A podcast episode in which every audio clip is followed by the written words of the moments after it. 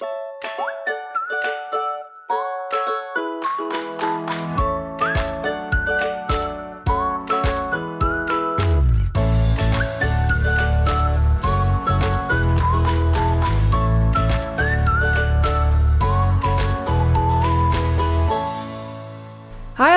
en welkom bij een nieuwe aflevering van Wat ik wou dat ik wist podcast. Mijn naam is Kelly en elke week deel ik wat ik wel eerder had willen weten en vertel ik verhalen waar jij je als twintiger hopelijk in herkent. De aflevering van deze week gaat over het boekje Waarom je niet zomaar moet stemmen waar je ouders op stemmen van Titia Hogedoorn en Nienke Schuitenmaker. Dat is natuurlijk het boekenclubboek van deze maand. Uh, als je deze maand meeleest, dan hoop ik dat je al een deel ervan hebt gelezen of misschien al zelfs uit hebt. Want deze week gaan we het daarover hebben met de schrijvers zelf. Dus Titia en Nienke zijn te gast in de aflevering van vandaag. En uh, bij het hoofdonderwerp ga ik hun allerlei vragen stellen over het boekje, hoe ze het hebben geschreven, waarom ze het hebben geschreven. En ga ik hun ook een aantal stellingen voorleggen over de politiek. Hele handige aflevering, ook als je het boekje nog niet hebt gelezen of niet de kans daarvoor hebt. Um, om wat meer over weten te komen. En ook om je goed voor te bereiden op de Tweede Kamerverkiezingen van volgende maand. Um, voordat we dat gaan doen, wil ik je natuurlijk nog eventjes uh, meenemen in mijn afgelopen week. Um, ik denk dat voor heel veel mensen uh, afgelopen weekend het schaatsweekend was. Voor mij ook. Ik uh, had mijn schaatsen weer opgezocht. En um, ja, ik heb nog kunstschaatsen van mijn, van mijn moeder van vroeger. En ik had nog Noren, want heel vroeger heb ik op short track gezeten een korte baan schaatsen, zeg maar. En um, nou ja, ik, ik weet nog dat ik een keer, er is een aantal jaar geleden geweest dat we, misschien vorig jaar, of nou, ik denk twee jaar geleden inmiddels, dat het heel kort even vrieste, vroor, sorry.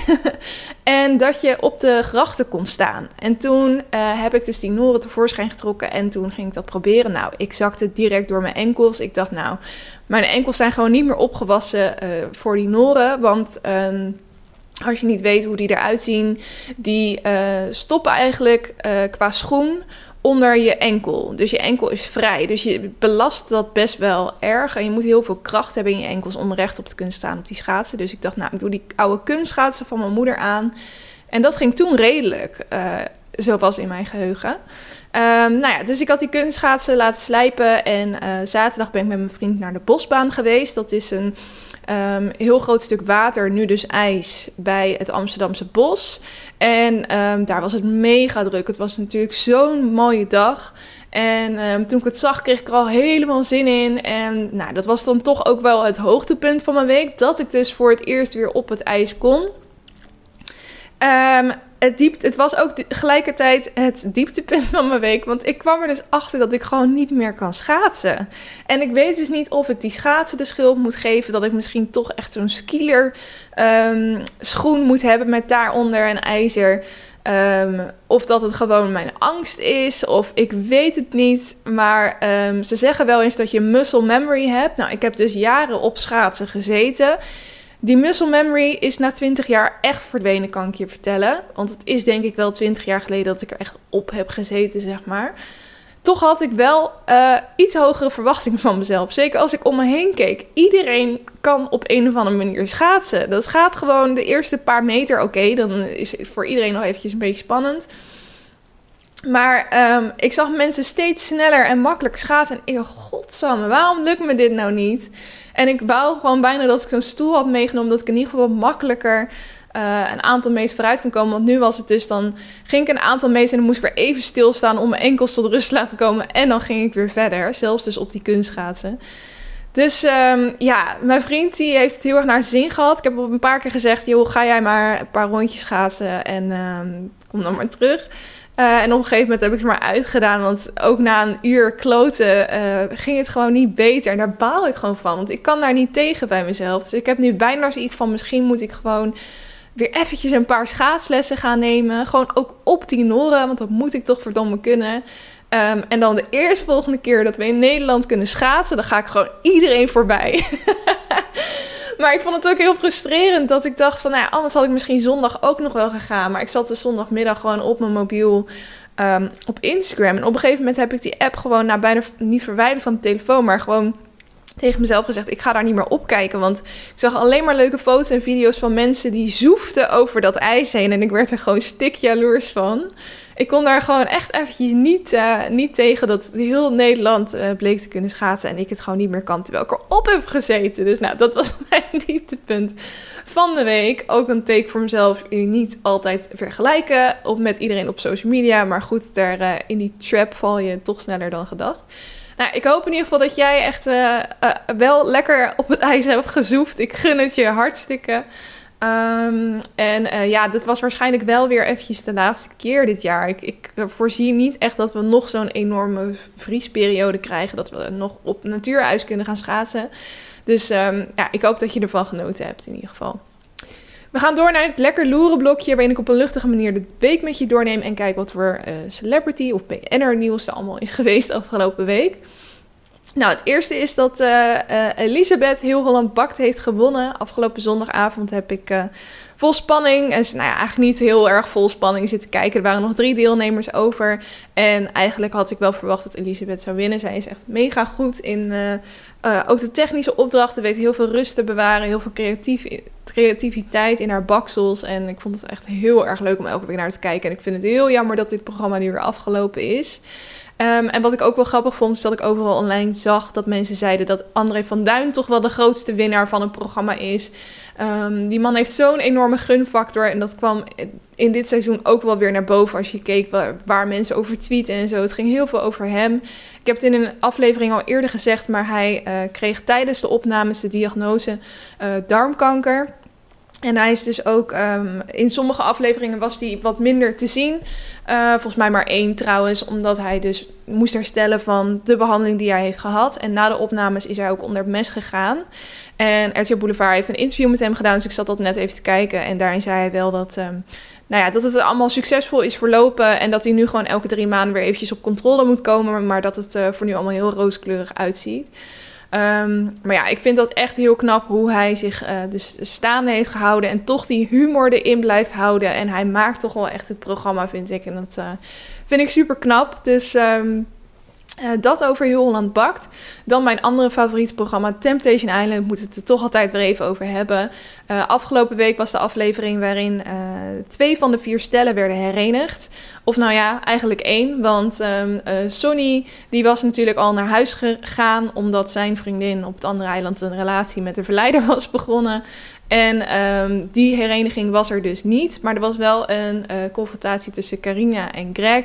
Carina die heeft ook nou, minstens één keer, maar volgens mij zelfs twee keer seks gehad. En dat uh, kon Greg natuurlijk niet zo heel goed hebben, wat ik heel goed kan begrijpen. Dus dat was een vrij heftige confrontatie. En je zag ook dan hoe het er dan uh, drie maanden later uh, aan toe was gegaan. En toen had zij dus toch spijt van wat zij had gedaan en wilde ze dus Greg weer terug. En toen dacht ik, meid, wat, waar ben je nou helemaal mee bezig geweest? Dus je hebt seks gehad op tv. Dat vind ik zo'n enorme stap. Daar moet je gewoon goed over nadenken. En eigenlijk zei ze bij die confrontatie al... Ja, dat, dat gaat niks worden. Dat was gewoon puur lust. Dat vind ik dus echt een hele slechte reden om seks te hebben op televisie. Maar goed, dat ligt misschien aan mij. Um, en ook dat ze dan nu weer terugkrabbelt. Dat komt gewoon wel heel erg zwak over. En ik kan me heel goed voorstellen dat zij kreeg volgens mij ook dat hij, uh, dat haar niet meer terug gaat nemen. Uh, ja, geef ik hem groot gelijk in. Um, en normaal, normaliter heb je dus eigenlijk dat alle confrontaties in één aflevering zitten. Maar ze hebben dat nu uitgespreid over twee afleveringen.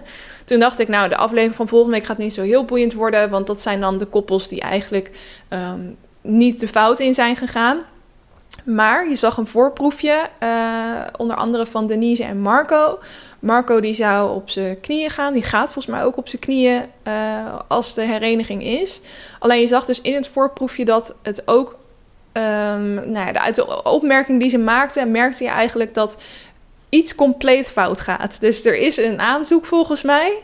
Maar daarna uh, loopt alles in de soep. Dus ik ben heel erg benieuwd um, wat daaruit gaat komen.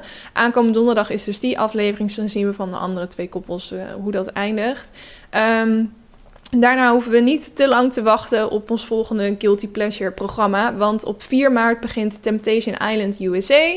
En um, dat is dus eigenlijk dezelfde opzet als dit programma had, maar dan met Amerikanen. En um, dat vind ik ook altijd super leuk seizoen. En dat komt dus ook weer op Videoland, dus daar kan je alvast naar uitkijken als je ook Temptation Island fan bent. Dan het derde nieuwtje. Uh, Meghan Markle is zwanger van haar tweede kindje. En um, nou ja, je weet hoe de Britse pers is. Die uh, heeft daar natuurlijk weer een big deal van gemaakt. En er waren al heel veel roddels voordat daadwerkelijk ook vanuit uh, ja, de, spokesperson van dat koppel werd bevestigd dat ze inderdaad uh, zwanger is. Ze had ook een, um, een miskraam gehad waar ze vorig, vorig jaar volgens mij tegen de New York Times een heel verhaal heeft gehouden. En um, wat ook wel bijzonder is, is dat zij dus eigenlijk van tevoren al hebben gezegd: wij willen maar twee kinderen vanwege het milieu. Dus vanwege een, kind heeft natuurlijk een behoorlijke ecologische voetafdruk. En dat is iets waar zij zich heel erg veel mee bezighouden. En um, zij hebben dus eigenlijk gezegd: wij willen maximaal twee kinderen. Destijds kwam daar ook best wel wat uh, ophef over, omdat ze zeiden: nou ja. Uh, als je één keer wat vaker dat uh, privévliegtuig van jullie laten staan, dan heb je het er al ongeveer uit. Nou weet ik niet in hoeverre dat klopt, maar um, ja, het is, uh, je, kan over zeggen wat je wil. Maar ik vind het ook wel weer heel goed dat zij door zo'n uitspraak te doen het in ieder geval bespreekbaar maken en mensen aan het uh, denken zetten. Um, tot slot, het laatste lekker loeren nieuwtje. En dat is uh, ophef over Wie is de Mol. Er was namelijk een uitzending um, waarbij zij uh, een, een, uh, dingen moesten uitbeelden aan elkaar. En um, toen was het volgens mij Gangnam Style wat uitgebeeld moest worden. En toen waren, was er dus een deelnemer die deed dat door haar ogen als spleetjes te trekken.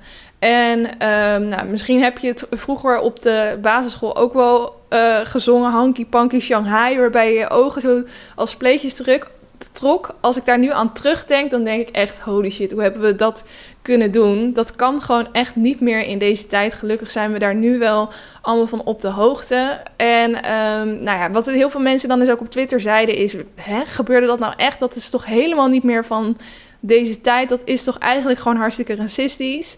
Um, nou ja, daar is toen ook wel uh, een reactie op gekomen. Want degene die dat onder andere deed was uh, Marije Knevel. En die heeft toen ook wel een uh, post gezet op haar Instagram.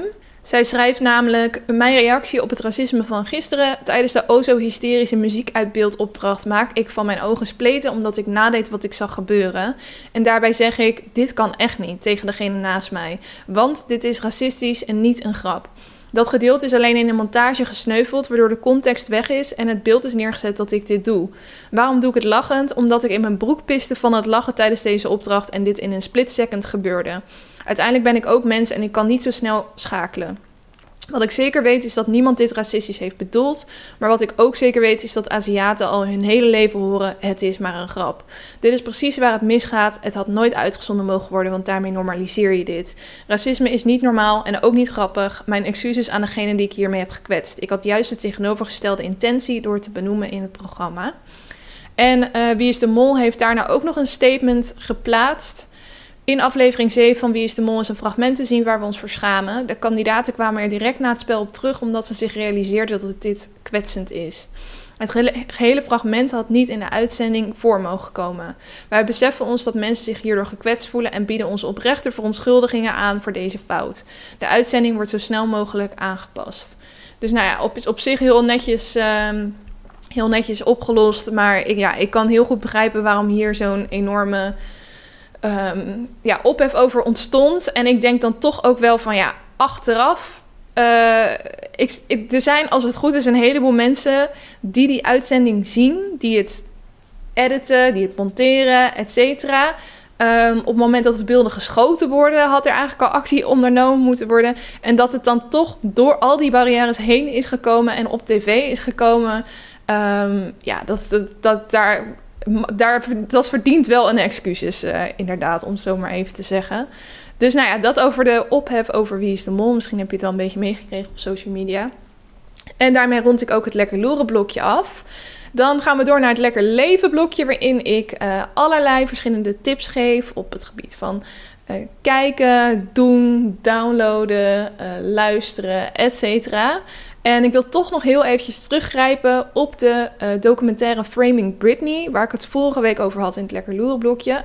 Want ik wil hem nu toch echt als kijktip meegeven. Ik heb hem nu namelijk zelf ook gezien. Um, ik deelde het ook al eventjes op mijn uh, Instagram stories afgelopen week. Op uh, wat ik dat podcast op Instagram. Dat um, de documentaire uitgezonden werd op net 5. Dat vond ik echt een hele goede zet. Want ik heb zelf veel zitten zoeken hoe ik het kon kijken. En ik kon het niet vinden. Dus ze hebben het uh, op maandagavond op net 5 uitgezonden. Als je dat gemist hebt, dan kan je denk ik nog wat terugkijken via NL Ziet of Kijk of iets in die trant.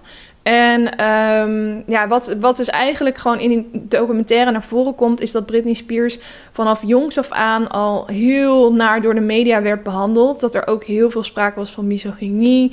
Dat um, uh, ook met haar relatie met Justin Timberlake bijvoorbeeld, dat altijd het. Uh, het werd altijd het beeld geschetst dat Britney iets fout had gedaan en dat de mannen in haar leven die werden gewoon veel beter afgeschilderd. En dat kwam gewoon heel vaak voor in die tijd. Daar was zij eigenlijk maar een voorbeeld van. En ook bijvoorbeeld als zij in de media kwam, er zat ook een fragment in van uh. Waarbij hij aan haar vroeg van, um, ja, iedereen heeft het erover, hè? Wat, uh, wat vind je daar nou van? En dat zij zegt van, hoe, hoe bedoel je, waarover? Uh, your breasts, zegt hij zo. En je ziet dat zij helemaal in shock is. Nou ja, zowel Justin Timberlake als Ivonie hebben gereageerd. Dus ik vind dat ook nog wel boeiend om eventjes voor te lezen. Um, Justin Timberlake heeft dus een statement geplaatst. I've seen the messages, tags, comments and concerns and I want to respond. I am deeply sorry for the times in my life where my actions contributed to the problem where I spoke out of turn or did not speak up for what was right. I understand that I fell short in these moments and in many others and benefited from a system that condones misogyny and racism. I specifically want to apologize to Britney Spears and Janet Jackson, both individually because I care for and respect these women and I know I failed. I also feel compelled to respond in part because everyone involved deserves better and most importantly because this is a larger conversation that I wholeheartedly want to be part of and grow from. The industry is flawed. It sets men, especially white men, up for success. It's designed this way. As a man in a privileged position, I have to be vocal about this.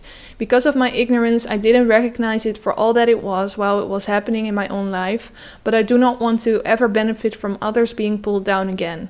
I've not been perfect in navigating all of this throughout my career. I know this apology is a first step and doesn't absolve the past. I want to take accountability for my own missteps in all of this as well as be part of a world that uplifts and supports. I care deeply about the well being of the people I love and have loved. I can do better and I will do better. Ja, vond ik in ieder geval een heel mooi statement. Uh, ik hoorde ook wel weer dat hier kritiek op komt, omdat het natuurlijk altijd makkelijker is. Nou ja, eigenlijk hetzelfde wat geldt voor Wie is de Mol, om achteraf op het moment dat er ophef komt, dan te zeggen: Oh, oh, sorry, ja, het is heel vervelend allemaal. Ik zal het volgende keer beter doen. Um, je hebt natuurlijk liever dat mensen dat soort stappen al voordat er ophef over komt, uit zichzelf gaan nemen. Um, maar ja, wel terecht dat hij dit in ieder geval heeft geplaatst. En ook over uh, Ivonie. Nou, daar wordt ook ontzettend veel over gezegd. Um, Ivo zegt zelf dat uh, dit allemaal besproken was, dat er niks aan de hand was, dat de heisa eigenlijk niet zo, uh, zo is. Um, maar er is dus ook iemand genaamd Florent Luiks, die in 1990 verantwoordelijk was voor de marketing en promotie van Britney in Nederland. En um, hij zegt, er is wel een voorgesprek geweest tussen Ivo en Britney waar ik niet bij was. Ik sluit niet uit dat hij daar aan haar gevraagd heeft of ze het oké vond om het daarover te hebben. Maar als ik het interview terugkijk, betwijfel ik of die afspraak is gemaakt. Um, ja, en het gaat om een meisje van 17 dat in de mediastorm is, zit op dit moment. wordt voor de zoveelste keer geconfronteerd met het onderwerp waar ze het niet over wil hebben. Waarvan ze ook niet begrijpt dat mensen erover willen hebben. Um, hij vindt dus dat Britney er op dat moment professioneel mee omging. Maar hij denkt wel dat ze sporen nagelaten heeft. Hij zegt ook, het management heeft gevraagd of dat gedeelte uit het interview gehaald kon worden, maar de tv-show heeft dat geweigerd. Het was ook een situatie waarin zij zich heel ongemakkelijk voelde en wat ons op dat moment ook heel veel andere promotieactiviteiten heeft gekost. Die werden afgeblazen door het management. Dus eigenlijk wilden ze toen heel veel klussen in Nederland niet meer doen, omdat uh, Ivonie dus zoiets had van, ik wil dat fragment per se in de tv-show houden. Nou, nog een quote. Backstage brak meteen de pleuris uit. Iedereen van haar team zwaar over de zeik en in pure paniek. Um, uh, dit, dit is een quote van uh, William Rutte, die fotograaf. Want die had na het interview een shoot met haar. En um, volgens hem kon ze niet geloven dat een volwassen man haar dit gewoon vroeg op televisie. En dan heb je ook weer een producer bij de tv-show en die zegt... nou, dat is helemaal niet waar, alles verliep zonder problemen... in een uiterst gemoedelijke sfeer. Um, en dit fragment van het interview is illegaal in een internationale documentaire beland... zorgt voor een enorm vertekend en misplaatst beeld van de werkelijkheid... En dat dit zo uit zijn verband is gerukt, is al schandelijk. Niemand maakte zich druk over deze vraag. Nou, ik... ik uh, ik weet natuurlijk niet hoe het is gegaan, maar ik vind uh, het gedeelte over dat zij toch wel redelijk over de zeik was iets geloofwaardiger dan dat ze geen problemen had met die vraag. Want ik denk werkelijk dat geen enkele vrouw uh, het een fijne vraag in een interview zou vinden. Um, maar goed, dat is over de Heisa die eigenlijk uit deze documentaire is gekomen. Wat ik wel lastig vind aan de docu, ik heb hem nu dus helemaal gezien, is dat um, je het verhaal van Britney zelf niet krijgt. Dus je weet niet zo goed wat zij hier nou van vindt. Um, het hele idee is dus Free Britney. Zij staat nu onder controle van haar vader. Die bepaalt eigenlijk alles. Um, en er is ook een verzoek gedaan om uh, die controle weer terug bij haar te leggen. En de, de judge heeft dat afgewezen. Er wordt niet gezegd waarom dat dan wordt afgewezen. Ik ben heel erg benieuwd wat op dit moment volgens experts de mentale staat toestand is van Britney zelf. Want ik kan me ook voorstellen, niet door eigen toedoen, maar door alles wat ze heeft meegemaakt, ook met de media, dat zij er best wel van uh, ontdaan is en dat het effect heeft gehad op haar mentale toestand. En dat um, misschien er ook een reden is dat andere mensen beslissingen voor haar maken. Misschien moet het niet de verantwoordelijkheid bij haar vader liggen, misschien bij iemand heel anders. Um, maar uh, ja, het, het, dat is eigenlijk met elke documentaire natuurlijk. Ze proberen een punt te maken en ze grijpen daardoor alles aan wat dat punt bevestigt. En daardoor kan je wel heel erg in één richting geduwd worden. Desondanks denk ik dat het wel heel interessant is dat het nu aangekaart is. En ik ben heel erg benieuwd of zij ooit zelf haar eigen verhaal gaat doen. Want daar ben ik dus heel erg nieuwsgierig naar geworden.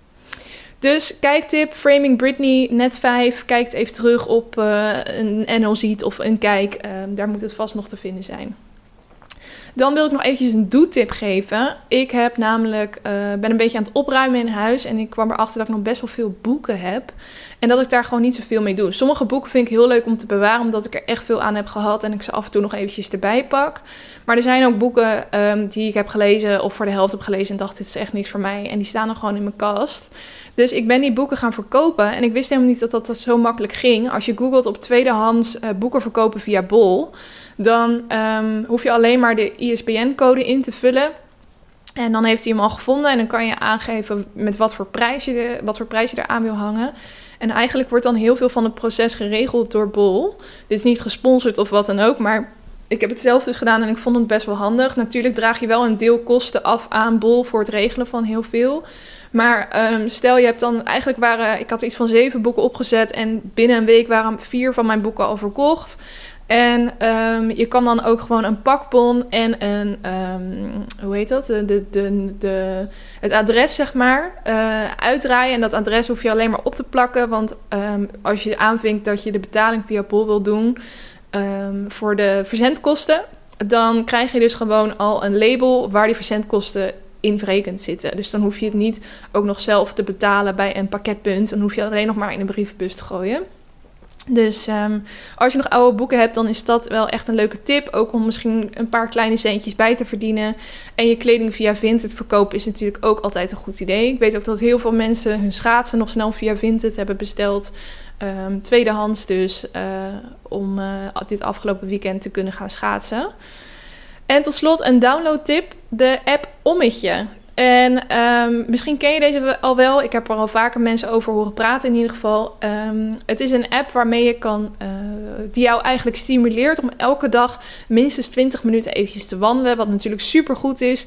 Um, ook voor je, nou, voornamelijk voor, voor je lichaam, maar ook uh, je mentale staat omdat ik merk ook altijd als ik even naar buiten ben geweest, dat ik me daarna veel beter kan concentreren. En um, het is ook gewoon fijn om eventjes buiten te zijn. Um, we hebben die buitenlucht gewoon ook nodig. En deze app die motiveert je dus om dat te doen. En je kan ook in teams aansluiten. En dan komt er een soort competitief gedeelte eh, bij kijken. Want er is dan dus ook een ranglijst. En dan uh, hoe meer je loopt, hoe hoger je dus in die ranglijst komt te staan. Nou leek het me wel leuk. Volgens mij had iemand mij dat ook een keer gedM'd op Instagram om een um, podcastteam aan te maken. Dus ik heb die aangemaakt. Dus mocht je het leuk vinden om met andere luisteraars van deze podcast in zo'n team te zitten. En ja, meten dingen op die ranglijst. Dan um, kan je je aanmelden. Dus als je de app hebt gedownload, dan kan je een team zoeken door middel van een code. En die code is DHHWF. Ik zet het ook in de beschrijving van deze podcast. Dus als je op de informatie drukt, dan zie je het nog even staan. Maar het is dus DHHWF. En um, ja, ik ga er vandaag mee beginnen. Dus um, als je je aanmeldt, dan sta je, sta je punten wel op nul. Dus weet dat, dat als je al met andere teams meedeed, die punten neem je niet mee naar dit team. Um, maar heel leuk uh, om dit samen te gaan doen en om elkaar dus ook op die manier te motiveren om meer te gaan wandelen. Oké, dan gaan we nu door naar het hoofdonderwerp. En dat is een, uh, een interview met Titia en met Nienke. En zij zijn de schrijvers van het boek Waarom je niet zomaar moet stemmen waar je ouders op stemmen. Een uh, kort boekje, 128 pagina's, in november uitgekomen. Het is ook een boekenclubboek dus van deze maand. Dus misschien heb je er al in gelezen, misschien heb je hem zelfs al uit. Uh, nou, ze zitten hier bij mij aan tafel. Hallo. Hallo. Hey. Misschien uh, zijn er ook wel luisteraars die jullie nog niet kennen. Dus kunnen jullie je kort eventjes voorstellen en misschien vertellen waar mensen jullie van kunnen kennen? Wil jij beginnen? Ja, hallo. Ik ben Titia Hogendoorn en ik heb een podcast over de politiek. Die heet Polititia, waarin ik dingen vertel over de politiek voor mensen die niet zoveel van de politiek weten. En ik ben actrice, ik speelde vroeger in Spanga's. Dat is wel 30 jaar geleden. Daar ken ik je van, ja. Dat zijn inderdaad de meeste mensen kennen me daarvan. Ik speel in uh, vakvullers nu, in wat andere dingen. En ik uh, doe heel veel huistuin- en keukendingen op Instagram. Huistuin- en keukendingen? Ja, dat is eigenlijk hoe ik het best kan omschrijven, denk ik. Hoe, hoe, als mensen niet snappen wat, wat dat is, wat, uh, geef ze een um, voorbeeld. Nou, ik neem jullie gewoon mee naar heel veel dingen die ik... Ik ben bijvoorbeeld ook verhuisd vorig jaar, dus dan heb ik veel dingen gedaan dat ik een bad wilde. En dan ging ik op onderzoek naar welk bad ik ging nemen. En ik, ging zo, ik heb zo'n plastic neerzetbad genomen uiteindelijk. Oh ja, die ken ik, ja. Maar spoiler alert, ik krijg waarschijnlijk een echt bad. Dus nu ben ik met het proces bezig oh van hoeveel gaat het kosten? Laat ik het inbouwen? Ga ik mijn badkamer mooi maken? Um, onlangs, Je wormenhotel? Ik heb een wormenhotel waar ik de updates van bij geef. Onlangs werden er de hele tijd soort van zakjes Ziploc bags in mijn tuin gegooid met ondefinieerbare substantie. Um, dat was één groot mysterie. En daar heb ik ook de, de, de volgers meegenomen in dit mysterie. Dus ja, dat noem ik huistuin- en keukencontent. Wat leuk, heerlijk. Alles wat er in, uh, op, in en rond mijn huis gebeurt.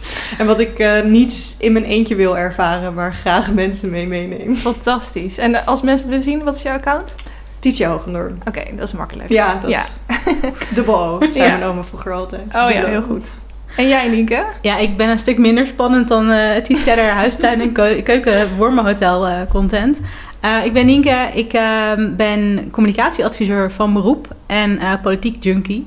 en als mensen mij kennen, en het is niet van het boek, dan kennen ze me waarschijnlijk van mijn Instagram-account. Dat is Nienke Schuit. En daar behandel ik sinds vorig jaar maart de persconferenties die Mark Rutte geeft samen met Hugo de Jonge. En dan let ik op de communicatie. Dus niet zozeer wat zijn de maatregelen die worden genomen, maar hoe worden die verteld en wat kun jij daarvan leren? Ja, en in jouw stories doe je daar dan verslag van, toch? En geef je een beetje de achtergrond. Ja, ik geef mensen een beetje context. Ja, op het moment dat wij dit opnemen, uh, is er volgens mij ook een persconferentie oh, Ja, ik dacht al, ga je dat straks stress, kijken? Stress. Ja. Nee, ik heb mensen nu alvast een soort van leeswijzer gegeven of een kijkwijzer van waar moet je nou op letten? Want deze is weer net anders dan alle eerdere persconferenties. Oh ja. ja. Dus ik heb mensen alvast gevraagd ook... Um, wat denk je dat de toon gaat zijn? Is hij boos? Is hij begripvol? Oh, wat ja. interessant. Dus dat ik ben een van uh, Rutte-watcher geworden. Rutte-watcher, ja. Instagram is zeer prettig als je zelf heel ongeorganiseerd bent. Want Nienke's Instagram is echt super georganiseerd. I got your back. Ook mooi visueel. Alles is strak. Alles kijkt lekker makkelijk weg. Een beetje zoals ons boek. heel, goed. Heel, heel prettig om daar te kijken als je meer wil weten. Niet, je doet niet alleen persconferenties, je doet ook andere dingen. Ja, ik doe ook andere dingen. Val van het kabinet, maar ook... Veel uh, politieke dingen waar je niks van snapt. En veel marketing dingen. En veel. Waarom ja. werken bepaalde reclames, toffe foto's die ik tegenkom. Oh, dat is Seksistische reclames. Waarom is ja. dat gek? Dus, ja. uh, ik ben ook zo van... Ja, ik ben geen huistuin- en keukenvlogger. Maar wel eh Ja. huistuin en marketing. eh, Huistuin eh, en marketing. Dat vlogger. vind ik mooi. ja, en jullie zijn allebei dus heel erg geïnteresseerd in politiek. Wat toch, hoe oud zijn jullie als ik vragen mag? Ik ben 31. 31 Ik ben en... 34. Oké, nou ja, ik had jullie allebei jonger geschat eigenlijk. Ik had jullie de twintiger geschat. Ja. Maar ik wou, ik, wat ik wou zeggen, alsnog gaat het misschien wel op. ja. Dat ehm, veel jongeren natuurlijk niet per se eh, in het dagelijks leven heel veel met politiek bezig zijn. Misschien nu dan, nu de verkiezingen eraan komen, oh ja, daar moeten we weer even in verdiepen. Klopt. Maar wat is dan hetgene wat jullie zo eh, trekt in politiek? Ehm, nou, ik was dus eigenlijk een twintiger die niet met politiek bezig was. En sterker nog, ik vond het ook, ja, het was zo ver van mijn bedshow dat ik dacht, ik begin daar niet eens aan. Ik heb ook wel eens niet gestemd, bijvoorbeeld vroeger, omdat ik gewoon niet wist wat ik moest doen. Eh, maar ik was wel altijd maatschappelijk betrokken of zo. Of ik voel wel dingen als het gaat over de klimaatcrisis. Ik voel ook dingen als het gaat over economische ongelijkheid of ehm, racisme. Allemaal dat soort dingen. En op een gegeven moment kwam ik erachter, wat, wat kan ik... Ja, eigenlijk was dat wel een persoonlijke verhaal. Ik woonde in een heel klein huisje en ik dacht, ja, fuck, ik... Sorry, mag ik hier? Ja hoor.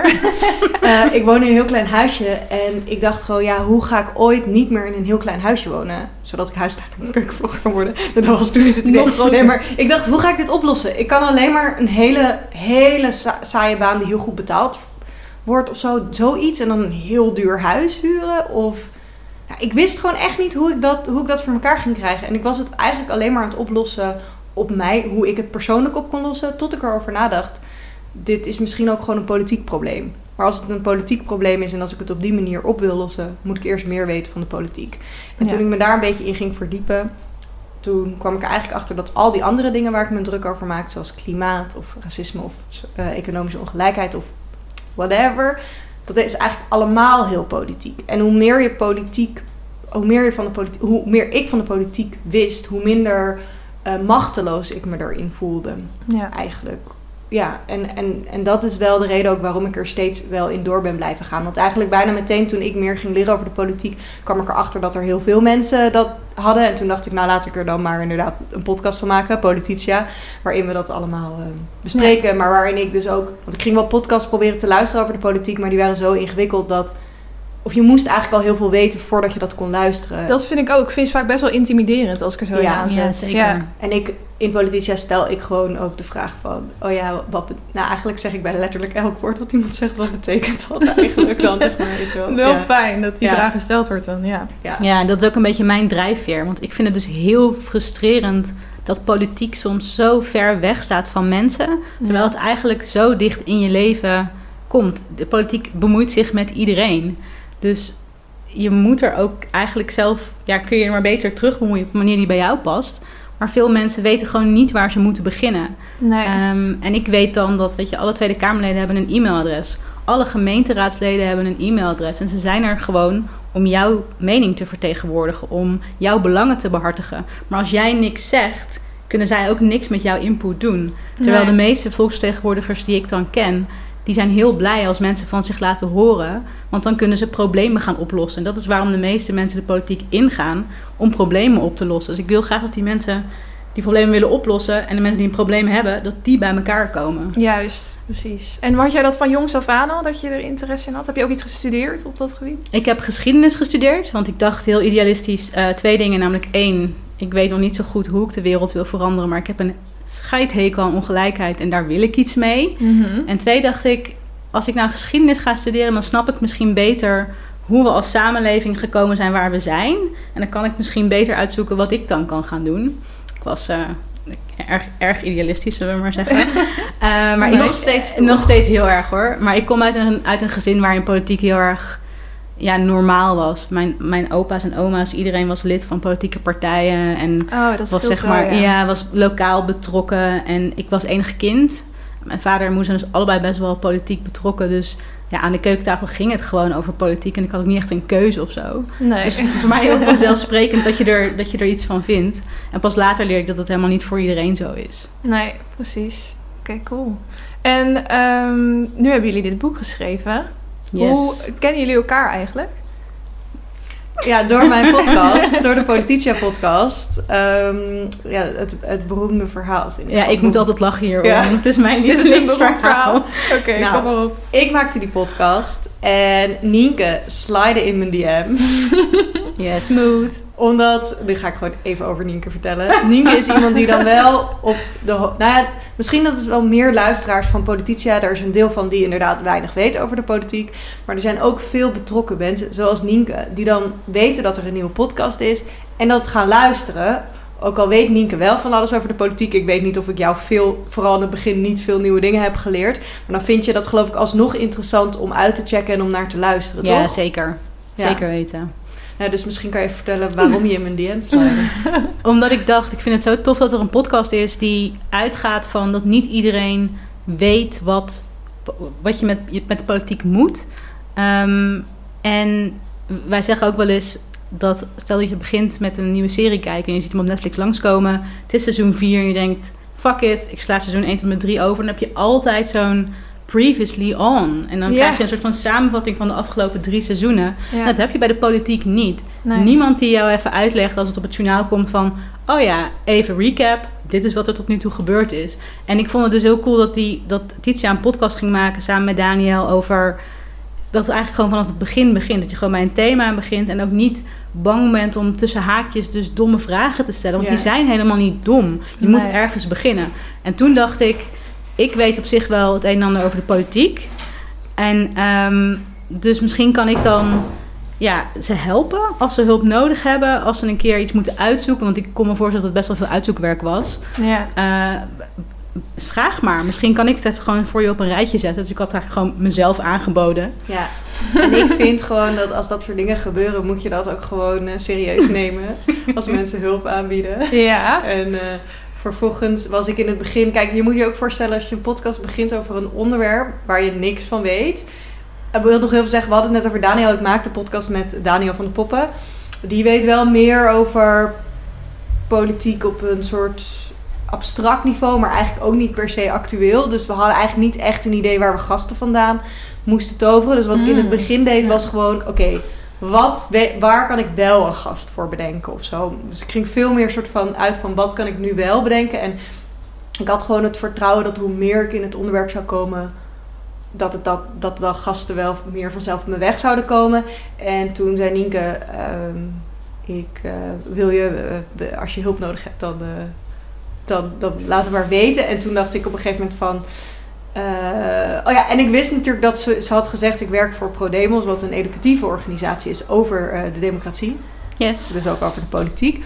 Dus ik dacht, nou, die ga ik gewoon inzetten zodra, er, zodra ik een onderwerp heb waar ik niet iemand voor kan bedenken. Want Ja, waarschijnlijk weten. joker, Ja. ja. maar wel. Want ik dacht, ja, jij weet dus allemaal dingen die je makkelijk uit kunt leggen. Dat was eh, Ja. Ik had ook even natuurlijk wel heel even de Instagram gecheckt. En we hadden wel even gechat ook. Dus ik wist ook wel hoe ze communiceerden. In de zin van...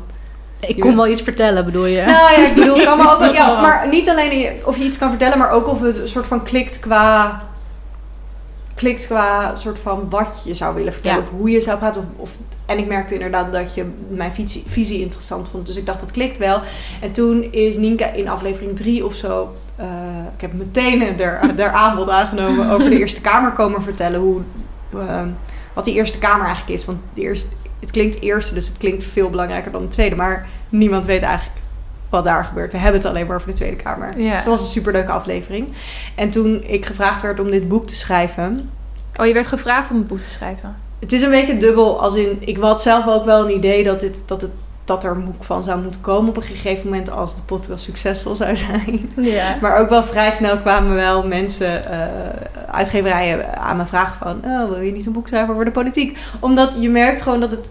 Ik weet niet of het de tijdsgeest is, maar het voelt voor mij wel alsof het nu veel meer leeft, de politiek. Ja. Ook onder jongeren. Omdat jongeren ook door social media denk ik veel bewuster zijn van wat er allemaal aan de hand is. En Die hele generatie is ook veel maatschappelijker betrokken. Exact, ja. Ja.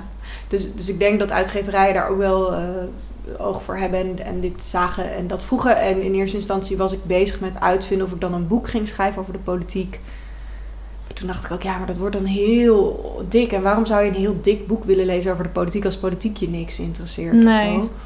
Ehm, En ik dacht ook, waarom zou ik nou een boek schrijven over iets waar ik niks van weet? Dat, dat, dat past veel meer bij een onderwerp wat bijvoorbeeld gaat over ja, iets wat je persoonlijk hebt meegemaakt. Terwijl politiek is niet, is ook wel persoonlijk, maar het voor een groot deel toch ook theorie of zo. Ja.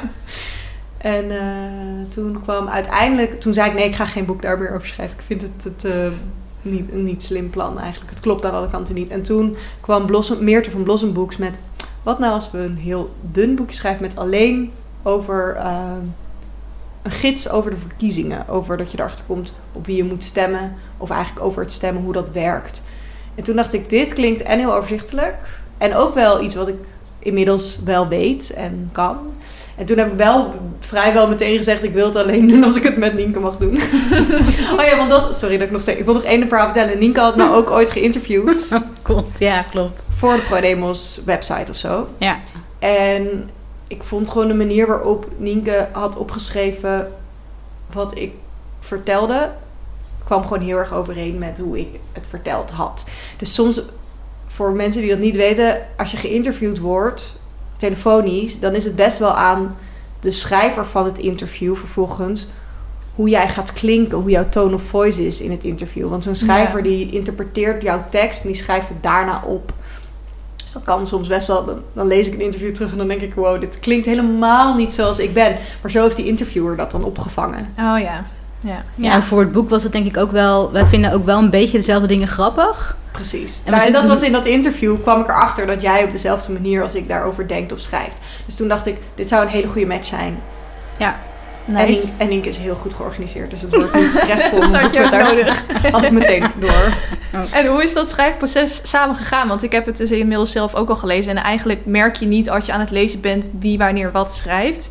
Soms, ik had wel het idee bijvoorbeeld dat het eerste hoofdstuk wat vrij theoretisch is, dat dat misschien meer van jouw hand kwam. En dat het daarna wat meer, de momenten dat er meer flauwe grapjes tussen zitten, dat misschien voor jou is. Of hoe is dat gegaan? Het was eigenlijk wel een beetje organisch. We hebben allebei in het begin hoofdstuk inderdaad soort van opgedeeld van begin jij daaraan, dan begin ik daaraan. Eh, en vervolgens gingen we er dan weer samen overheen. En dan zei Titia, ja maar dit moet, dit, hier vind ik het eigenlijk te droog. Of dan zei ik tegen Titia, als je het zo zegt dan kun je het ook net iets anders lezen. Dus dan klopt het weer niet, want dan zeggen we iets fout. En zo hadden we eigenlijk constant feedback op elkaar, denk ik. Ehm, en soms waren het ook gewoon hele lange sessies waarin we steeds meliger werden. Ehm, en dan kwamen vaak de beste grappen er langs. Dus het is heel vaak heen en weer gegaan vooral. Het zal je Ja. ook echt verbazen over hoeveel theoretische stukken ik heb geschreven en hoeveel flauwe Ja. grapjes Nienke heeft gemaakt. Oh, Ja, dat doen we inderdaad. Oké, dat is zo. Waar. Ja, en ik wil nu niet zeg maar hier de ehm, weggezet worden als zeg maar de expert, omdat Titia Nou, dan niks, nee, niks nee, zou nee, maar dat is wel, ik bedoel, het, geschreven. klo- het, klo- het, het klopt wel dat er stukken zijn die overduidelijk door Nienke eh, ja, opgezet zijn en die we vervolgens inderdaad samen ehm Gekneed. gekneed. Ja, En mooi. vice versa, dus dat Ja. ik stukken heb opgezet waar eh, eh, Nienke vervolgens... Wel een mooie samenwerking eigenlijk. Ja. Ja, want ook wel tijdens het schrijven zelf. en met schrijven bedoel ik ehm, tijdens die Zoom-sessies, want dit speelde zich natuurlijk allemaal af in deze pannie. Ehm, tijdens die Zoom-sessies zelf werd ook wel veel duidelijk over wat we wel of niet wilden vertellen. En ik vind het heel prettig om samen te werken met mensen. Ehm, soms is het natuurlijk wel lastiger en het is ook wel fijn dat we zelf die opzetjes hadden gemaakt. Maar je merkt ook dat we, di- we discussieerden best veel over wat we wel of niet belangrijk vonden om te zeggen Ja. of om uit te leggen. En, maar ook wel over hoe iets zit of zo. Zeg maar, ja. En Ja. heel veel over hoe je het best iets uit kan leggen. Dat ging eigenlijk heel veel. ja, dat vind ik ook wel echt fijn. Ja, want we wilden echt een kort boek maken. Ja. Ja. en dan moet je gewoon echt gaan schaven en gaan schaven. En er zijn zoveel dingen die je ontdekt als je je er verder in duikt. We denken, oh, dat is ook interessant. Dat is Ja, ook je kan alles erbij halen op een gegeven moment. Ja, en ook omdat ik we wel dus denken dat, dat wij het wel op een manier kunnen uitleggen die mensen interessant vinden. Maar niet in dit boek. Dit boek moest gewoon echt de basis zijn. Wat heb je nodig om voor jou een stem te kunnen uitbrengen die past bij jou? Ja, En wat heb je nodig? Dat als je dit hebt gelezen, kan je daarna ook gewoon zeg maar cool doen over de politiek. Snap je? Van, zeg maar, als je in een gesprek zit of zo, weet je waar het over gaat. Zonder dat je al die andere dingen weet die je eigenlijk niet hoeft te weten. Maar je weet wel over de. Dus het gaat zeg maar over hoe je een stem uit moet brengen. Eh, echt letterlijk van hoe je een stemlokaal inloopt ook. dat ja, je- dat, zelfs dat staat beschreven inderdaad. Ja, dat klinkt heel makkelijk, maar ik was inderdaad altijd wel een beetje geïntimideerd als ik doe ik het wel goed. Er zitten allemaal mensen soort van achter zo'n tafel, wat klopt dit of zo? Ja, er zijn Maar- mensen die zich gewoon laten tegenhouden omdat ze dat eng vinden. Ja. Dus ik vind het heel... Het is, we hebben het oh, grappig ja. opgeschreven, maar, zeg maar de struggle is real voor mensen. Van, wat de fuck moet ik met die Ja, mensen ik moet wel zitten? weten, de eerste keer dat ik bij zo'n zo'n stembureau stond, toen... Ik weet niet, ik vond het aan de ene kant inderdaad intimiderend. Aan de andere kant vond ik het ook heel knullig. Dat ik dacht, ga ik nou echt gewoon op een papiertje Ja. wat tekenen... en daarmee bepaal ik de toekomst van het land mede. Ja. En ook dat die mensen, dat, dat waren soms dan ook gewoon... als het in je gemeentedorp is... dat waren dan gewoon mensen die Oh, je ook ja. wel eens in de supermarkt tegenkwam of zo. En die ja, waren dan juist... van de hoek. En die, ja, ja. Ja. Heel apart eigenlijk, zo'n stemlokaal. Heb je, heb je de afgelopen keren allemaal gestemd en, en vond je, wist je dan op wie je wilde stemmen? Ehm, nou, de eerste keren had ik echt nog helemaal niks mee. Ik vond maatschappijleer ook echt het stomste vak op de middelbare school. En eh, nou ja, het, het was, het- de eerste keer heb ik volgens mij niet gestemd. De tweede keer heb ik blanco gestemd. Want toen had iemand mij verteld dat dat beter was dan überhaupt niet stemmen. Toen heb ik nog een keer gestemd waar mijn ouders op stemden. dus daar, eh, daar zo spreekt het, eh, daar zo, daardoor sprak de titel me ook wel heel erg aan. En uiteindelijk eh, ben ik me nu wel echt meer gaan verdiepen. En nu stem ik zelfs ook strategisch, wat in het boek gaat uitge- uitgelegd Wauw. staat. Dus ehm, eh, kijk ik naar de polls van welke, hoeveel zetels gaan er waarschijnlijk behaald worden. En dan op de eerste vrouw daarna. Dus, eh, Nou, je ja. hebt de hele cyclus zeg maar de hele cyclus doorlopen. Ja, Ja, cool. Ja. Ja, en dus voor de luisteraars om even duidelijk te maken, niet op de eerste vrouw van de Lijst. lijst. Dit is alleen voor de mensen die ehm, geïnteresseerd zijn om meer vrouwen in de politiek te krijgen. ja. Dan heeft het dus geen zin zoals je moeder vroeger of dat je wel eens op, op, de, op de tv hoorde. ehm, ik stem op de eerste vrouw van de lijst. Maar dat heeft dus eigenlijk helemaal geen zin om meer vrouwen in de politiek te krijgen. Heb ik heel lang ook niet geweten. nee, ik ook niet. Nee. Dat is misschien, echt misschien heel kort, eh, heel even uitleggen voor mensen die nu nieuwsgierig zijn waarom je dat Ja. dan niet moet doen. Ik wil eerst even zeggen, de kennis die ik hierover heb is echt te danken aan Devika Partiman van Stichting Stem op een Vrouw. Die heeft als haar vorm van activisme is ook kennis overbrengen. Namelijk de kennis overbrengen hoe je dus meer vrouwen in de politiek zou kunnen krijgen als je dat zou willen. Ehm, en het idee is eigenlijk dat die eerste vrouw op de lijst, dus eh, als stel je voor de, de lijsttrekker is een man en dan de, tw- de tweede persoon op de lijst is een vrouw. eh, en een partij krijgt vijf zetels, nou, dan komt die, die vrouw die op plek 2 staat, die komt toch wel in de Kamer. Dus het heeft helemaal geen zin om dan op die vrouw te stemmen. Dus wat je dan doet is je kijkt naar eh, de peilingen. En als van partij A eh, in de peilingen staat dat de lijst... of dat de partij vijf zetels gaat krijgen in de peilingen... eh, dan stem je eigenlijk op de vrouw die vervolgens onder die vijfde zetel ergens zit. Want Ja. mensen kunnen met ehm voorkeursstemmen alsnog in de Tweede Kamer komen. Dan gooien ze eigenlijk de laatste persoon van die lijst eraf. Dus nummer 5 gooien ze er dan af. En dan komt die persoon op het plekje nummer 5. Dit is het in basis. Het is, als je het nog een keertje na wil lezen, zou ik vooral naar uh, stemopmevrouw.nl gaan. Want daar staat het heel duidelijk uitgelegd en ook makkelijke schema's. Wil jij hier nog iets Zeker. bij toevoegen, Nienke? Nee, ik denk dat je inderdaad Ja. het beste kan kijken. Ga naar de site- website. Maar dat is ongeveer hoe het werkt. Ja, ja dat eh, vond ik in ieder geval wel heel cool. Ik weet dat ook heel veel vrouwen luisteren naar deze podcast. Dus mocht je dat eh, iets belangrijks vinden, dan is dat wel iets tofs om eh, rekening mee te houden. En staat dus ook uitgebreid in het boek beschreven.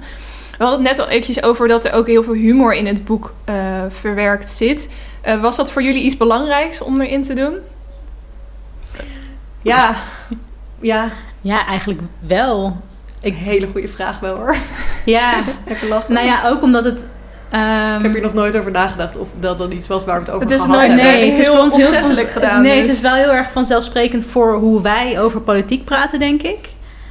Ja, Ehm, misschien ook dat. Want misschien ook wel goed om te benadrukken, voor wie is het boek eh, bedoeld? Is dat echt eh, mensen die net 18 zijn geworden, zeg maar, of ook ouder? ook ouder, want veel... Kijk, je moet je voorstellen... Veel van mijn vrienden, en ik ben dus 31, eh, weten ook niet zo heel veel over de politiek. Nee. Dit is niet alsof, omdat je 26 op een gegeven moment wordt, dat je wel iets over de politiek weet. Als je eenmaal gewoon niks over de politiek weet, is het heel lastig om daarin te komen. ja. Ehm, ik kan me voorstellen, mijn moeder heeft me nog geen WhatsApp gestuurd van, ik heb er heel veel van geleerd. Maar ik kan me voorstellen dat ze er heel veel van heeft, heeft geleerd. Zelfs die. Ja, en ik zit nog even na te denken over die vraag of dat dan heel bewust is dat we er humor. humor Ja, want in ik kan me voorstellen dat het spreekt wel eerder een jonger publiek aan Ja. dan een heel droog boek. Dus wat- misschien is dat wel de reden geweest. Wat, dat... we, wat wel echt, waar we wel over hebben gehad. Kijk, mijn doel van dit boek is zoveel mogelijk mensen als kan ehm, zelfverzekerd maken over de politiek. En dat doe je niet door een boek te schrijven wat mensen niet willen lezen. Dus ik dacht gewoon, hoe schrijf je nou een boek wat voor zoveel mogelijk mensen, weet je wel, wat, wat aantrekkelijk is voor zoveel mogelijk mensen. En ook dat als je het leest, dat je het niet weglegt. En dat, dan kom je in er, ja. Ja. dus dat je niet na één bladzijde denkt, "Pff, nou moet ik even moet ik in gaan plannen om dit te lezen. Ik hoop dat als je dit boek leest, dat je niet het gevoel hebt dat je het moet uitlezen. een soort huiswerk is. Ja, of dat je inderdaad aantekeningen moet maken. We wilden niet dat het je zoveelste maatschappijleerboek zou zijn. Ja. En daarom is het ook bewust eh, geschreven op een manier die bijna lijkt op spreektaal. Ja. Dat het zoveel mogelijk iets is waar je, dat je herkent van de manier waarop je zelf ook gewoon praat met je vrienden. ja. Dus dat was denk ik bij ons de, de insteek. Ja, en we hebben gewoon, we zijn eigenlijk best grappig, vind ik.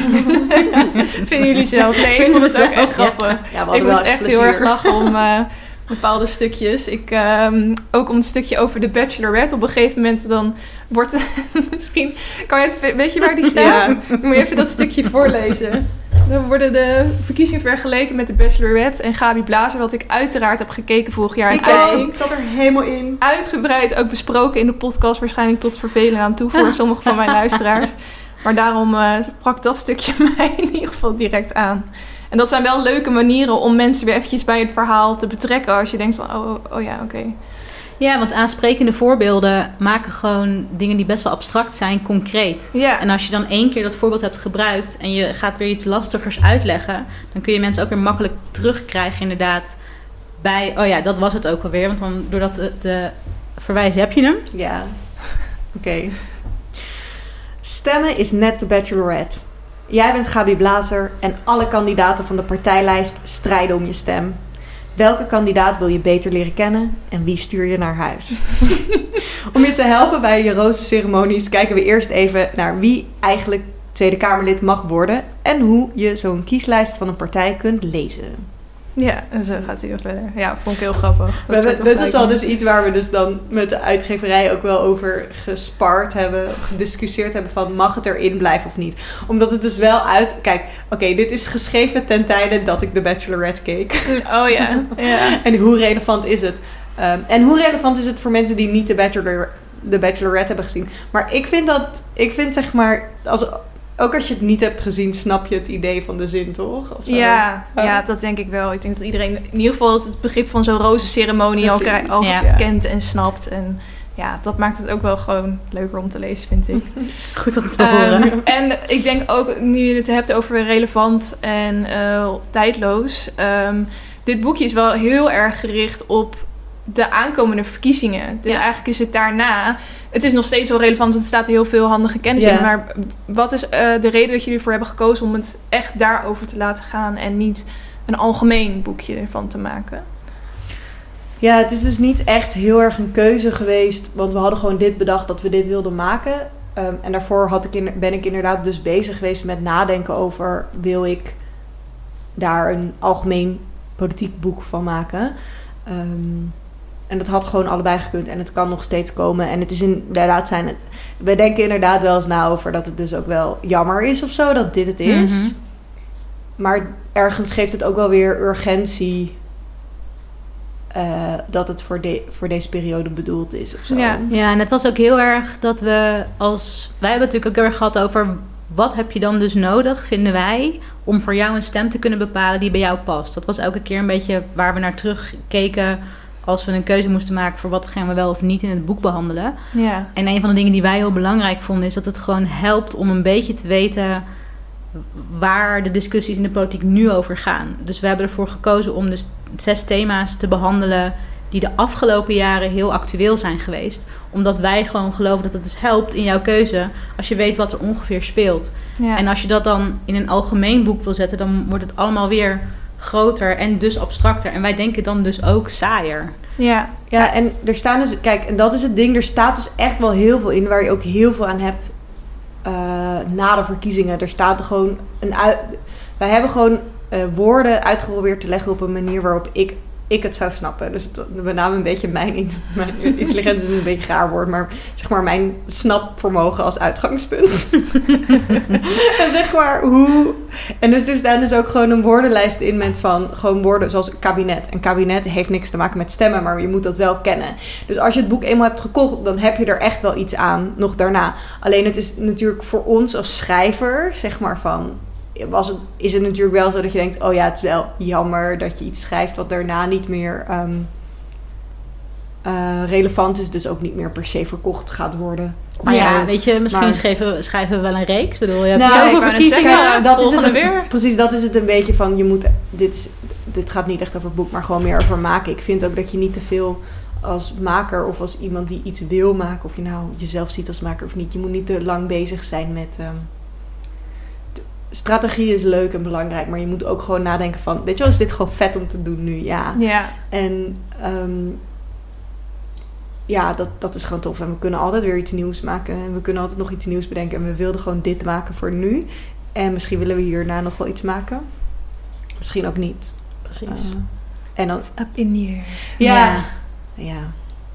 Ja, ik, eh, ik vind het eigenlijk ook wel heel fijn toen ik het las dat, ik, dat er ook heel veel dingen in voorkwamen die eh, ik herken als ik nu de tv aanzet, zeg maar. Ja. Dat maakt het wel heel concreet en toepasbaar ook gelijk inderdaad. En dat was volgens mij ook wel een doel voor jullie, dat het echt eh, een handig hulpmiddel is bij de aankomende verkiezingen. Dus eh, ja, ik vond dat juist wel nice. Ik wil eigenlijk doorgaan naar drie stellingen. Die ik heb bedacht zijn niet hele heftige stellingen. Want ik weet zelf niet zo heel veel van politiek. Echt Oh de ja. basiskennis. Ik was al heel blij toen ik het boekje las. Dat ik bij alles zag. Oh ja, oh ja. Ja, ja, oh ja, oh ja. Nice. Ja. Dus dat ehm, het meeste wist ik wel. En was het echt meer een ophelder momentje. Maar voor de rest eh, zit ik er niet zo heel diep in. Maar ehm, om toch een beetje over de, op de huidige politiek in te gaan. Het kabinet is natuurlijk net gevallen. En ik vond het wel grappig. Het ging in het boekje op een gegeven moment ook over het vallen van het kabinet. Mhm. Maar toen was het volgens mij iets van... Nou, dat is een paar jaar geleden voor het laatst gebeurd. Hè. Dat gebeurt gewoon af en toe. Niet wetende dat een paar maanden Ja. later het kabinet ook daadwerkelijk zou vallen. Ehm, de stelling is: het vallen van het kabinet gaat heel veel effect hebben op de uitslag van de Tweede Kamerverkiezingen. Eens of oneens? Wil beginnen? Oh ja, Nienke mag beginnen hoor. Dit is echt zoiets waar, wat voor mij echt koffiedik lezen is. Ik volg Ja. dat meer als een soort soap dan dat ik er dus heel erg iets aan kan verbinden. Zelf. Nou, het heeft sowieso eh, effect op de verkiezingen. Al was het maar omdat er eerst een lijsttrekker is opgestapt van de Partij van de Arbeid, Lodewijk Asscher. Die niet meer in het kabinet zat, maar wel vroeger in het kabinet zat, waar die hele toeslagenaffaire over ging. En die had zoiets van: ja, ik ben hierbij betrokken geweest. En ik vind eigenlijk dat ik dus onderdeel was van een verkeerd systeem. Het systeem is mis en dat moeten we aanpakken. Dus Ja. ik vind niet dat ik door kan in mijn huidige positie om het systeem te veranderen. Dat moeten andere mensen doen. Ja. Voor de luisteraars thuis even woord kabinet. Yes. Ja, wat is het kabinet? Ja, het kabinet zijn de ministers en de eh, sta- staatssecretarissen. Dat is het kabinet. Ja, maar mensen denken dan dus nu ook: oké, maar het kabinet is gevallen. En Lodewijk Asscher heeft gezegd: ik kan dus niet door als lijsttrekker. Mhm. Maar Mark Rutte, die nu minister-president is en dus eigenlijk een soort van gevallen minister-president is, die heeft niet gezegd: ik stop als lijsttrekker. Dus als mensen nog steeds op Mark Rutte gaan stemmen, is Mark Rutte straks nog steeds minister-president. Dus Ja. wat heeft, sorry, wat heeft de val van het kabinet dan voor invloed op de uitslag van de verkiezingen? Dat is ook eigenlijk de reden dat ik deze stelling had. Want ik had hier een discussie over met mijn vriend. Van oké, het kabinet is nu gevallen. Maar in principe is het demissionair. Volgens mij heet Ja, dat zo. Dus, het gaat, dus de, de werkzaamheden die echt nodig zijn... die worden gewoon alsnog uitgevoerd.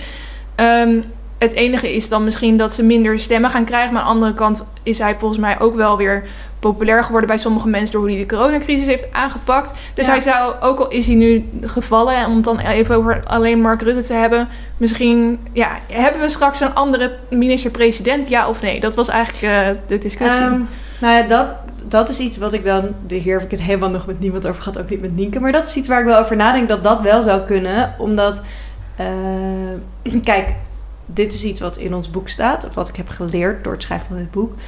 Het is niet zo dat per definitie de partij met de meeste stemmen... dus de grootste partij...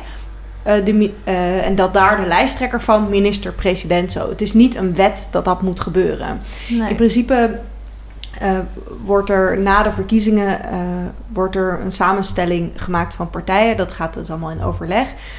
Ehm, wie er dus samen met elkaar de coalitie wil vormen. En daarbinnen eh, wordt dan ook bedacht wie de minister... Kijk eens af en toe checken naar Nienke dit is gaat. Die Dan als, klopt uh, als Nienke erbij zit, dan kijken... zo- Dan, dan, Als je een side-eye krijgt, dan weet je dat het fout gaat. dan, gaan ze, dan gaan ze samen beslissen wie de minister-president wordt. Dus dat zou in principe... Dat zouden verschillende mensen kunnen worden. En ik vraag me dus af, door het vallen eh, van het kabinet... of er vooral intern daar niet dan een andere keuze in gemaakt gaat worden... Eh, mocht bijvoorbeeld VVD wel weer de grootste partij worden zijn... en ook een coalitie gevormd worden met de VVD... kan ik me wel voorstellen dat andere... ehm, eh, partijleiders of mensen in die coalitie zeggen: is het niet verstandig om iemand anders de minister-president te laten zijn? Ja, hoe groot acht jij die kans, Nienke? Eh, ik denk heel eerlijk gezegd dat het de meeste mensen niet zoveel, niet zoveel interesseert dat ze niet meer op de VVD gaan stemmen. Maar ik denk wel dat als jij dus vindt dat het kabinet bijvoorbeeld terecht is gevallen, of dat je die toeslagenaffaire echt heel erg vindt, ehm, of een van de andere eh, dingen waarbij VVD-ministers de afgelopen jaren zijn afgetreden. En in ons boek kun je een lijstje ehm, lezen waarin een interviewer mij laatst op wees dat er bijna iedereen die daarin staat een VVD-minister was. Dacht ik, ja, we- maar dat Oh. moet ook zeggen, waar we zelf ook wel over ge- gehad Ja. hebben. Als je, als je de grootste partij bent en je de meeste ministers levert, is de kans dat jij ja, dat is zo. iets edgy's doet. maar het is gewoon, als jij iets anders wil, dan moet je dus ook iets anders stemmen. Ja, dat. En dat is een beetje als voldoende mensen willen dat er een andere minister-president komt, dan moet je ja, dus niet op de VVD stemmen. Dat zeg ik niet uit privéoverwegingen, maar gewoon dat is Dat is hoe het het systeem werkt. werkt. Ja. ja. Dus eigenlijk heb je geen antwoord op de, op de Nee, maar dus, maar dus ja, het, het kan best wel wat effect Ja, hebben. Misschien zeker. is dat dan eh, Ja. het antwoord. Toch? ja, Ehm, de meer dan hiervoor, denk ik ook. meer wel. dan hiervoor. Ja. Ja. Eh, de volgende is: de inrichting van het Nederlandse politieke stelsel zit beter in elkaar dan die, de Amerikaanse. Ik vind van wel. Fuck ja. Sorry. We hebben in het boek daar ook een paar keer een grapje over. En daar hebben we ook zelf zo hard om gelachen. Oh ja. Ja, nou kijk, ehm, ik weet nu niet of ik het goed uitleg, want het Amerikaanse stelsel is iets anders dan het Nederlands. Dus ik hoop dat ik het goed uitleg. Maar de, de Amerikaanse stelsel gaat over the winner takes all. eh, het is een soort the winner takes all systeem. En in eh, Nederland is het dus gewoon het percentage stemmen dat je krijgt. Zoveel zetels krijg jij ook uiteindelijk in de Kamer.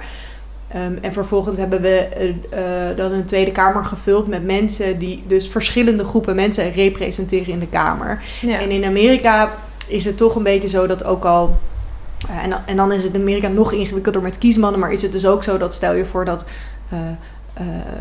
de Republikeinen met 51% winnen, om het maar even heel grof uit te leggen. Dan wordt vervolgens toch het. Eh, de, de, de, de, de komende zoveel jaar de, eh, het land geregeerd door de Republikeinen. En is er. eh, natuurlijk zijn er ook wel nog een soort van meer democratische. hoe noem je die andere huis ook weer? De House of, de House of Representatives en De Senaat gewoon. Senaat. Ja. Dat heb je daar ook wel, maar het is toch. ehm, ja, toch een the winner, the winner takes all. Dus Ja, en denk wat je dan, wat het grote verschil is, is dat wij inderdaad dus die, dat systeem hebben waar je een percentage van de stemmen is een percentage van de, van de Kamer, zetels, van de Tweede ja. Kamer inderdaad. En dat hebben wij in alle lagen van onze democratie. Dus in de gemeenteraad is dat ook zo. En wat dat doet in theorie, en ik denk dat dat ook echt wel zo is, zeker als je naar de afgelopen jaren in de Verenigde Staten kijkt, is dat in het systeem wat wij hebben, de kans dat mensen zich vertegenwoordigd voelen groter is dan in een systeem waar je winner takes all hebt. Want wat Titia ook zegt, als je maar met twee stemmen verschil wint, dan krijg je dus alles. Terwijl al die andere mensen die dus net verloren hebben, krijgen helemaal niks. En zijn dus in het geval van de VS, in ieder geval bij de presidentsverkiezingen, vier jaar lang best wel ongelukkig. Ja. En dat is voor de betrokkenheid van je burgers en dus eigenlijk voor, de, ja, voor je democratie niet per se heel goed. Ik vind het ook heel apart dat je daar zo wel echt een hele. Want het gaat in het boek ook over scheiding tussen links en rechts. En dat je in Nederland is dat eigenlijk ligt dat veel gecompliceerder. Maar daar zo heb ik echt het idee: of je bent het een of je bent Ja. het ander. En door social media daar heb ik toevallig pas een aflevering over gemaakt. Wordt die verdeeldheid natuurlijk ook echt Mhm. enorm. Ja. Ik, eh, ja, ik vind het toch apart dat daar op een gegeven moment voor ge- gekozen is. En ik kan me ook wel voorstellen dat er dan alsnog, stel zij bedenken iets, dat er dan ook nog wel andere afgevaardigden zijn die zeggen: Ja. Nou ja, we- daar, daar trekken we de lijn. Ja, ik stem niet mee, want dat vind ik te ver alsnog gaan. heb ik het idee dat het daar toch allemaal iets slouchier gaat met lobbyen. En Ja. dat toch eh, wel veel makkelijker dingen doorheen kunnen komen waar nou ja, misschien wel meer dan de helft van het land gewoon niet mee eens is. Ja, en voorstanders van zo'n systeem zeggen dan dat omdat je zoveel ehm, zeg maar macht hebt, Mhm. dat als je dus iets wil veranderen, dat het ook heel snel kan gaan. En dat in Nederland, omdat we met Ja. iedereen moeten overleggen, dat het veel langzamer gaat. Omdat iedereen zijn belangen ook moeten worden En dat eh, is meegenomen. En dat is ook zo. Maar dat is dus niet per definitie iets slechts. Nee. Dat, is alleen, dat voelt alleen slecht, slecht als jouw ding er niet in één keer doorheen gedrukt wordt. Maar het, ja, ik wil er ook nog over zeggen. Wat cool is in Nederland is dat je dus ook kleine... Een heel goed voorbeeld daarvan is de Partij van de Dieren. Want dat is natuurlijk meteen heel erg sprekend. Maar dit kan je in allerlei soorten kleine partijen ehm, hebben. Dus ehm, ja, eh, Partij van de Dieren is een vrij kleine partij. En die heeft dus ook maar weinig zetels en weinig stemmen. Maar dat betekent dus niet dat zij geen eh, invloed hebben op wat er allemaal bedacht wordt en besproken wordt in de Tweede Kamer. Dus op het moment dat er eh, iemand met een wetsvoorstel komt van een grote partij die dat dan lekker aanlevert of een minister, en dan, de- dan gaan ze daarover praten, gaan ze daarover debatteren. En de Partij van de Dieren die zal eh, vaak kijken wat betekent dit voor de dieren. En ook wel vaak wat betekent dit voor de, eh, voor de aarde. Maar ook Ja. vaak wat betekent dit voor de dieren.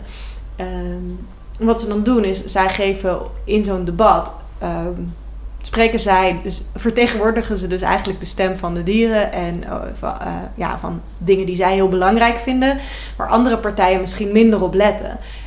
En dat zorgt er toch dus dan ook voor dat in zo'n debat de rest van de Tweede Kamer ook daarover na gaat denken. Ja, En of nou meteen alles helemaal veranderd wordt, dat denk ik niet. Maar het is wel zo dat je. eh, en en dat, daar- dat, gaat, dat is een stukje representatie. En dat zie je dus. En dat is ook de reden waarom bijvoorbeeld sommige mensen vinden dat er meer vrouwen in de politiek moeten komen. Of bijvoorbeeld meer eh, mensen eh, van kleur. Of waarom het erg is dat er op dit moment geen eh, zwarte Nederlanders in de Tweede Kamer zitten. Omdat je dus dat stukje eh, representatie en kennis eh, mist. ja. Ja. Ja. Ik zit even te kijken of ik het goed heb gezegd. Ja, Mooi gezegd. wel. Ja. Ja, heel mooi. Nee, duidelijk. Oké, dan gaan we naar de laatste. Lijkt een beetje op de eerste, want ik ben niet zo creatief met mijn stellingen blijkbaar. Oh? De verdeeldheid in Nederland over het coronabeleid gaat heel veel effect hebben op de uitslag van de Tweede Kamerverkiezingen. Dus natuurlijk, eh, ja, ik zie het echt wel steeds vaker, ook bij allerlei influencers die ik volg voorbij komen, dat er toch steeds meer kritiek wordt geuit op het eh, beleid. En nou ja, je ziet het natuurlijk ook met de. Ehm, elke, met de pers, die ene persconferentie. Nee, dat was geen persconferentie. Was een, die toespraak. die toespraak dat dat mensen geluid. buiten aan het Ja. eh, slaan waren met hun pannetjes en zo. Ja. Ehm, ja, ik, ik kan me wel voorstellen, het wordt ook kort in het boek aangehaald, dat hier zo partijen best wel op aangaan. En dat ze heel duidelijk standpunten in gaan kiezen, waardoor mensen naar, misschien wel naar een compleet andere partij worden geduwd. In hoeverre denken jullie dat dat gaat gebeuren? Ik hoop het niet. En uiteindelijk, alle partijen, eh, behalve partijen die misschien niet geloven dat het virus bestaat, of erger is dan Zijn een die griepje. er? Die zich nu Zeker. er zo er zijn wel politici die dat vinden in elk geval. Of Hmm. dan de partij het ook vindt. Maar de meeste partijen, vrijwel iedereen wil gewoon dat dat virus zeg maar, eronder wordt. Dat, het, dat we straks allemaal weer open kunnen. Dus Ja. iedereen heeft wel hetzelfde doel. Ja. Dus ik denk dat dat misschien eh, ervoor zorgt dat het minder invloed heeft dan we nu in het maatschappelijke debat zien. Want in het debat is het heel heftig over... kun je verplichten dat iemand een mondkapje draagt... eh, verplicht vaccineren en zo. Mhm. Maar als je kijkt naar wat de partijen daarover zeggen... ehm, is iedereen vrij realistisch... en zijn de standpunten niet zo extreem. Is het ook niet zo dat meer rechtse partijen, kan ik me iets bij voorstellen, maar ik heb me dus niet voldoende in verdiept, dat meer dat rechtse partijen zoiets hebben van laten we minder maatregelen doen en meer open gaan en dan dat de economie op stand blijft, wat, zeg ik, maar. wat ik Ja, dat economie is interessant. Maar wa- wat ik vooral ook wel zie, is dat de standpunten per partij ook echt over hoe, een, eh, hoe, het, eh, hoe de crisis aangepakt moet worden, wisselt per maand. dus er, zijn eh, specifieke partijen die aan het begin heel erg waren van. eh, we moeten nu in volledige lockdown nog voordat de andere partijen dat vonden. En dat zijn partijen die inmiddels vinden dat de lockdown voorbij moet zijn. Het zijn dus ook partijen die gewoon het als enige doel hebben om tegen de richting in te schreeuwen. Om het Ja. maar even zo te zeggen. Ja. Um, en, en alle andere partijen zijn inderdaad daar, die hebben eigenlijk hetzelfde doel, alleen die verwisselen af en toe van hoe ze dat willen doen. Dus ik, ik, ik vraag me af ook of de kiezer, ik denk eerder dat de kiezer in de war ervan raakt dan dat ze Ja. heel erg verwisselen van partij eigenlijk. Omdat ze gewoon te veel in de war zijn van wat welke partij nou vindt. Ja, en sommige dingen is natuurlijk ook... Het is een, een crisis die we nooit eerder hebben gezien. Het is een nieuw virus. Dus er is ook heel veel voortschrijdend inzicht. Dus partijen wisselen ook van standpunten... omdat een vorige aanpak bijvoorbeeld niet gewerkt heeft. Nou, dan, ja. dan heb je andere keuzes en dan maak je dus ook andere keuzes. Ik hoop heel erg dat mensen die gaan stemmen... Natuurlijk moet je kijken naar... Weet je, vind je dat een partij eh, de crisis goed wil aanpakken... Maar ook vooral kijken naar hoe wil je dat Nederland eruit ziet na de crisis. Zijn Ja. er dingen die we echt anders moeten gaan doen? Misschien wel door de crisis. Of hoe vind jij gewoon dat onze samenleving eruit moet zien? En je ziet ook in veel verkiezingsprogramma's dat veel partijen ook een beetje die blik wat verder wegzetten. Van als Mm. de crisis voorbij is, dan vinden wij dat eerst moet worden geïnvesteerd in onderwijs of in ja. zorg. Of dan Ja, moeten we juist heel snel de, de staatsschuld verlagen. Dus dan moeten er hoge belastingen komen. Dat soort, ding, dat soort dingen moet je. Daar, daar worden heel veel partijen nu eh, echt wakker. Hoe, Over- Want dat is eigenlijk de vraag die je stelde over de economie, over eh rechtse partijen in de economie. Maar ik denk dat elke partij, hoe rechts, links, midden, en daar hebben we het in het boek ook over, weet je wel, wat is rechts en links en midden, want dat is eigenlijk te makkelijk om een partij rechts of links te noemen. Ehm, maar ik denk dat elke partij heeft een plan voor de economie. Alleen elke partij vindt dat een vindt een economie iets anders of zo. Dus zeg maar, eh, wat vind jij een sterke economie? Betekent dat eh, dat er veel ehm, eh, spullen gekocht kunnen worden? Weet je wel, vind jij dat er veel banen gecreëerd moeten worden? Vind je dat de koopkracht voor alle mensen vooruit moeten gaan of voor een deel? Want alles heeft effect op de economie. En een sterke economie kan van alles en nog wat betekenen. Eh, Mhm. eh, wil je een sterke economie voor een paar mensen in Nederland of wil je een sterke economie voor heel veel mensen in Nederland? Ja. Ik zit er erg in omdat we letterlijk gisteren een aflevering op hebben genomen over de economie, waar we hier heel erg over hebben gepraat. En het was echt super interessant. Ehm, die is al online als deze, afle- als deze podcast online is, denk ik. Nice. Leuk, Ja, ja. dus kunnen mensen ook wel even luisteren. Ja. Maar ik vind het wel goed inderdaad om ook te kijken als je straks gaat bepalen van waar je nou op gaat stemmen. Over precies een maand als deze podcast uitkomt. Wat, wat zijn de plannen voor na de crisis? Waar, Mhm. waar gaan partijen als eerste aandacht aan besteden? En ja, in hoeverre komt dat overeen met, overeen met je eigen belangen? En volgens mij word je anders ook horendol van wat er allemaal aan de hand is. Ja, En dat is ook wat we in het boek heel erg zeggen. Van, weet je, er is altijd actualiteit. De, de, de journaals zitten altijd vol. Er is Mhm. altijd debat over van alles. ja, dat Het is blijft een me- soap. Het is Ja, een soap. is- En, maar dat is ook, er zit, en we hebben zoveel wat op ons afkomt. Dus volgens mij is het verstandigste wat je kan doen... nadenken over wat vind ik belangrijk... en wat vind ik belangrijk voor de wereld. Dat Ja. klinkt weer heel ide- idealistisch... maar volgens mij is dat de makkelijkste manier... om een stem te bepalen die bij jou past straks. Ja. ja, ja goeie. Eh, tot slot, laatste eh, vraag aan jullie. Dit is natuurlijk eh, een podcast voornamelijk gericht op twintigers. En ik vind het altijd wel leuk om aan mijn gasten te vragen om eens terug te blikken naar het moment dat zij twintig waren. Eh, wat voor advies zouden jullie je twintigjarige zelf willen meegeven? En dan ehm, kan er betrekking hebben op politiek, dat ook zeker erin meenemen, maar misschien ook wel op andere gebieden. Oh ja, ik heb er wel eentje over politiek. Mhm. Ehm, ik dacht vroeger namelijk altijd, toen ik twintig was, zeg maar, dat ik eh, na mijn studie bij een ministerie zou gaan werken en dat ik dan beleid zou gaan maken en dat soort dingen.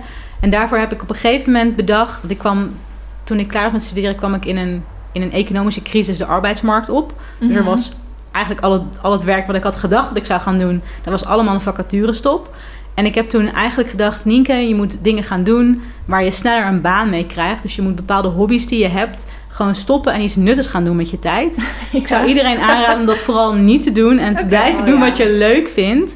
En dus ook je. eh, ik heb me heel lang niet durven uitspreken over eh, mijn politieke voorkeur en wat ik belangrijk vond eh, in werksettings. Mhm. En daar heb ik eigenlijk best wel spijt van, want het, het heeft me niets gebracht. En het heeft me eigenlijk veel sterker en beter gemaakt in mijn werk ook, toen ik dat wel ging doen. Dus ik, ik Mm. raad iedereen aan om wat dat betreft, eh, ja, heel cliché, dicht bij jezelf te blijven. En vooral niet te veel te veranderen, omdat je denkt dat het je iets gaat opleveren. Ja, ik vind dat we dat nog best. Een, ik vond dat nog best een dingetje toen ik mijn eerste baan had. Toen waren er ook verkiezingen. Ehm, en toen waren er ook mensen die wilden het er absoluut niet over Oh, hebben waar ja. ze op Ja. gestemd hadden. En Ja. ik zat toen ook heel erg, moet ik het dan zeggen of niet? Gaan mensen misschien anders over me denken? Of misschien gaan ze me allemaal moeilijke vragen stellen waarom ik erop heb gestemd en heb ik niet overal antwoord op? Ja, Oh, ja. ja. Ik wil dus zeggen, want dat, zo voelde ik me dus. Ik wilde dus eigenlijk zeggen dat ik het heel moeilijk vond om een advies te bedenken. Omdat ik dus ook denk, ik denk daar dan ook vaak over na. Van ik voel me nu veel prettiger dan toen over heel veel dingen in mijn leven. En ik heb ook heel veel dingen gedaan in mijn leven die ik alleen maar deed omdat ik dacht dat andere mensen dat wilden. Of om wat voor reden dan ook. Maar ik ben wel heel blij dat ik heel veel van dat soort dingen heb gedaan die misschien niet bij me pasten. Omdat je dat ook wel een soort van rijker maakt of zo. Ja, ja, Dus- zo. Dus dan zou Ja. mijn advies zijn van, wat niet echt een advies is, maar van het is echt chiller. Elk jaar dat je ouder wordt is echt chiller. Of zo. zeg maar, voor mij in ieder geval. Als je gewoon een goede weg op, als je gewoon probeert te werken aan hoe leuk je bent zelf of zo, zeg maar voor jezelf. Hoe aardig je bent voor jezelf. Als je daaraan probeert te blijven werken. Op een gegeven moment wordt het gewoon steeds chiller, denk ik. Niet bang zijn om ouder te worden. Nee, nee, zeker niet. Maar op, wa- wat jij net zegt. ehm, ja, en dat geldt dus eigenlijk ook wel een klein beetje over wat jij zegt. Over wat Nienke zei. Over eh, eh, dat je je durft uit te spreken voor wat je voelt of vindt. Of je idealen. En dat is ook wel echt, echt super erg iets voor mij. En ook wel. Ja, die po- podcast maken over de politiek is zo spannend.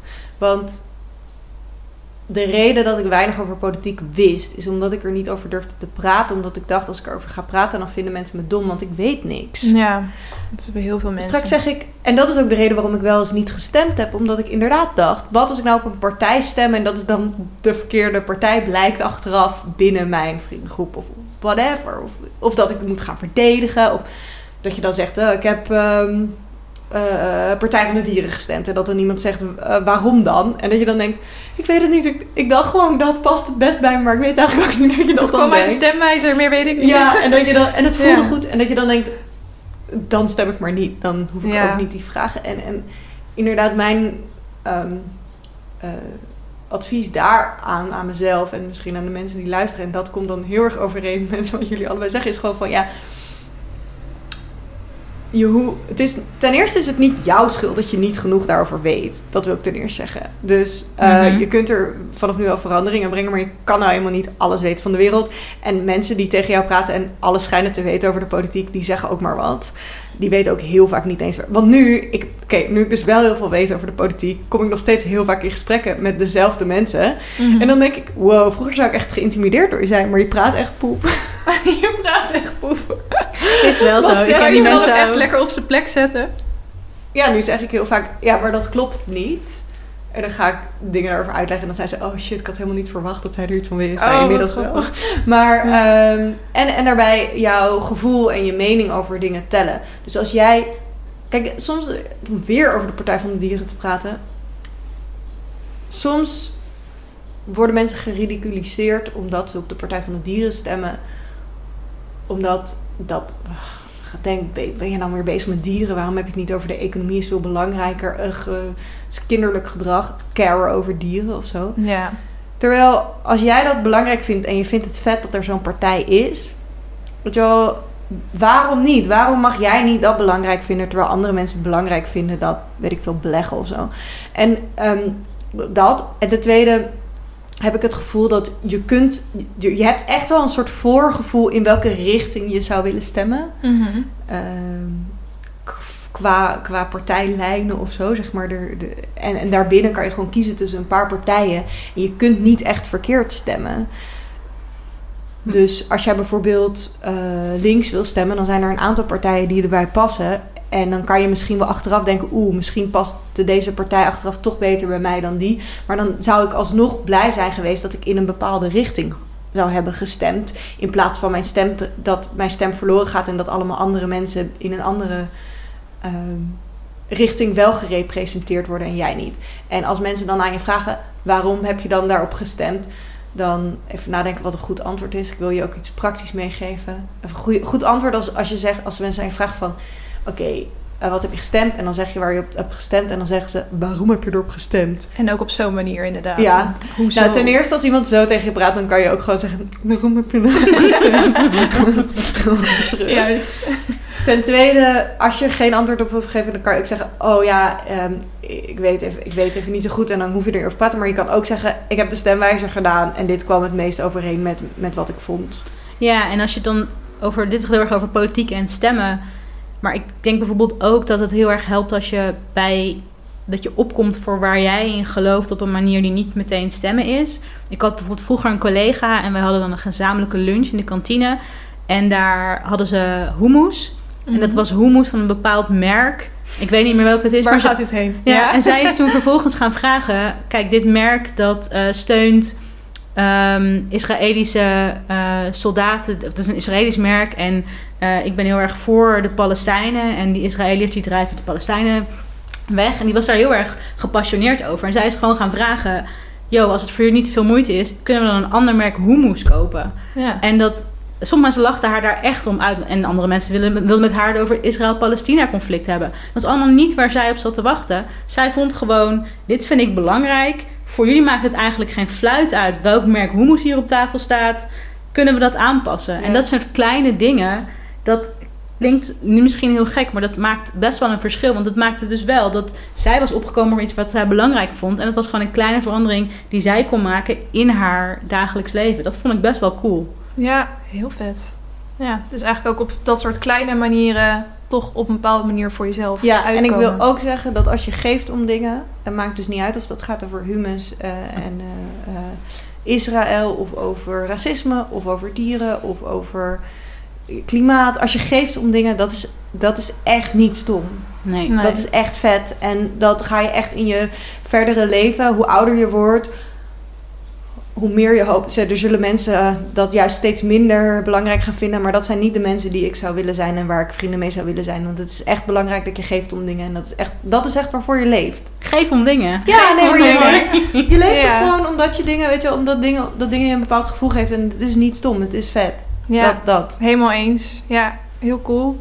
Oké, nou, dat was het. Hartstikke bedankt dat jullie hier wilden zijn. Jij mega bedankt, ik vond het echt super. Ja, leuk. dankjewel. Ja, ik wou net zeggen, inderdaad, vond Cool. jullie het leuk om hier zo te gast te zijn. Jullie hebben Ja. best wel wat podcasts die jullie eh, afgaan, hoorde ik net van Nienke. Hm. Maar ehm, ja, super bedankt. En ik denk, eh, ik hoop dat heel veel mensen hier wat aan hebben gehad. Lees dus inderdaad het boekje als je dat niet al deze maand aan het doen was. En eh, Het kost luister maar ook... eh, 8,99. Precies. En ik heb zelfs het e-book versie en die is maar 4,99 euro. Dus daarvoor hoef je jezelf niet tegen te laten houden. Steun je lokale eh, boekhandel. Steun ja, je lokale boekhandel, handel ook goed. Ga stemmen allemaal. stemmen. Ga jouw podcast luisteren, Politicia. Zeker doen. En eh, tot volgende week. Doei. Doei doei! Ho, wacht, ga nog niet weg. Ik ben namelijk helemaal vergeten om aan het eind van deze aflevering nog even te vertellen hoe het gaat met mijn challenge. In de maand februari probeer ik een maand lang dus niks uit te stellen. Eh, en ik moet je zeggen dat het steeds moeilijker wordt om dat te doen. Aan het begin zat het nog heel erg in mijn hoofd. Elke keer als ik dacht van, nou, hier heb ik geen zin in. Ik ga eventjes een YouTube-video kijken of wat dan ook. Ik dan dacht, nee, ik ging niks uitstellen. En dat zorgde er wel voor dat ik echt hele fijne, productieve dagen heb. Ehm, maar helaas gaat het nu niet zo heel erg lekker. en de afgelopen week heb ik juist weer heel veel uitgesteld. En eh, ja, soms gaat het ook gewoon wat minder, weet je. Dan zit je op je computer en dan moet je een taakje doen waar je gewoon absoluut geen zin in hebt. En ik denk dat dat ook heel menselijk is om ehm, ja, dan dingen eventjes te willen uitstellen. Maar wat ik nu wel probeer te doen is dan, als ik geen zin heb in een taakje, dat dan ehm, uit te stellen met een ander taakje dat alsnog productief is. Bijvoorbeeld door een pakketje weg te brengen of zo. Dan ben je er toch eventjes uit, maar dan ben je toch ook nog iets productiefs aan het doen en niet je tijd aan het verdoen met eh, YouTube-video's kijken of wat dan ook. Waar ik ook zeker fan van ben hoor. Want je moet altijd ook wel je rust nemen. Maar er, is, er zijn momenten om uh, productieve dingen te doen. En er zijn momenten waarop je gewoon even kan chillen. En dat is voor mij in de avond. Ik probeer wel echt om mijn dag uh, overdag productief te maken. Dus nou ja, dat was de update van de challenge. Um, ik wil trouwens waarschijnlijk volgende maand een, een leuke nieuwe challenge gaan doen. En dat is of een nieuwe taal leren in 30 dagen. Maar ik weet dus nog niet zo goed welke taal. Want ik heb dus wel ervaring met um, Duits, Frans en Spaans. Dus wil ik dat dan heel erg gaan verbeteren of compleet een nieuwe taal gaan leren. Wat ook wel heel vet is om te zien hoe ver je komt in een maand. Of een, iets anders wat ik zag is dat mensen, um, dat had iemand gedaan op TikTok, 30 dagen lang elke dag een nieuw iemand leren kennen. Dus gewoon een uh, berichtje sturen. En natuurlijk moet je wel een soort van een aanleiding hebben dat je elkaar eerder eens gesproken hebt. Maar diegene had er super veel leuke dingen aan overgehouden. Ze was gast geweest in podcast. Ze had nieuwe vrienden gemaakt. Ze had uh, opgetreden, want ze was zangeres volgens mij. En nou gewoon heel veel leuke nieuwe connecties gelegd. En zeker in deze tijd waarin we niet zo heel veel nieuwe mensen ontmoeten, leek me dat ook best wel een tof idee. Dus laat me eventjes weten via Instagram, wat ik wou dat quiz podcast, welk idee uh, jij het leukste vindt voor volgende maand. En dan ga ik die challenge dus in uh, de maand maart doen. Um, dus ja, thanks alvast als je dat doet. Um, als je het leuk vindt om te doen, rate deze podcast dan eventjes in iTunes. Geef hem 5 sterren, dat helpt mij heel erg voor de zichtbaarheid. En uh, volg me dus op Instagram. Je kan me ook een persoonlijk account volgen. Die staat uh, ook in de beschrijving van deze aflevering. En verder hoop ik gewoon dat je dit een uh, super toffe aflevering vond met weer een leuk interview. Volgende maand weer een gast. En waarschijnlijk gaat dat een gast worden die je wel eens eerder hebt gehoord en die heel dicht bij mij staat. En meer zeg ik er nog even niet over. Oké, fijne week. Doei doei.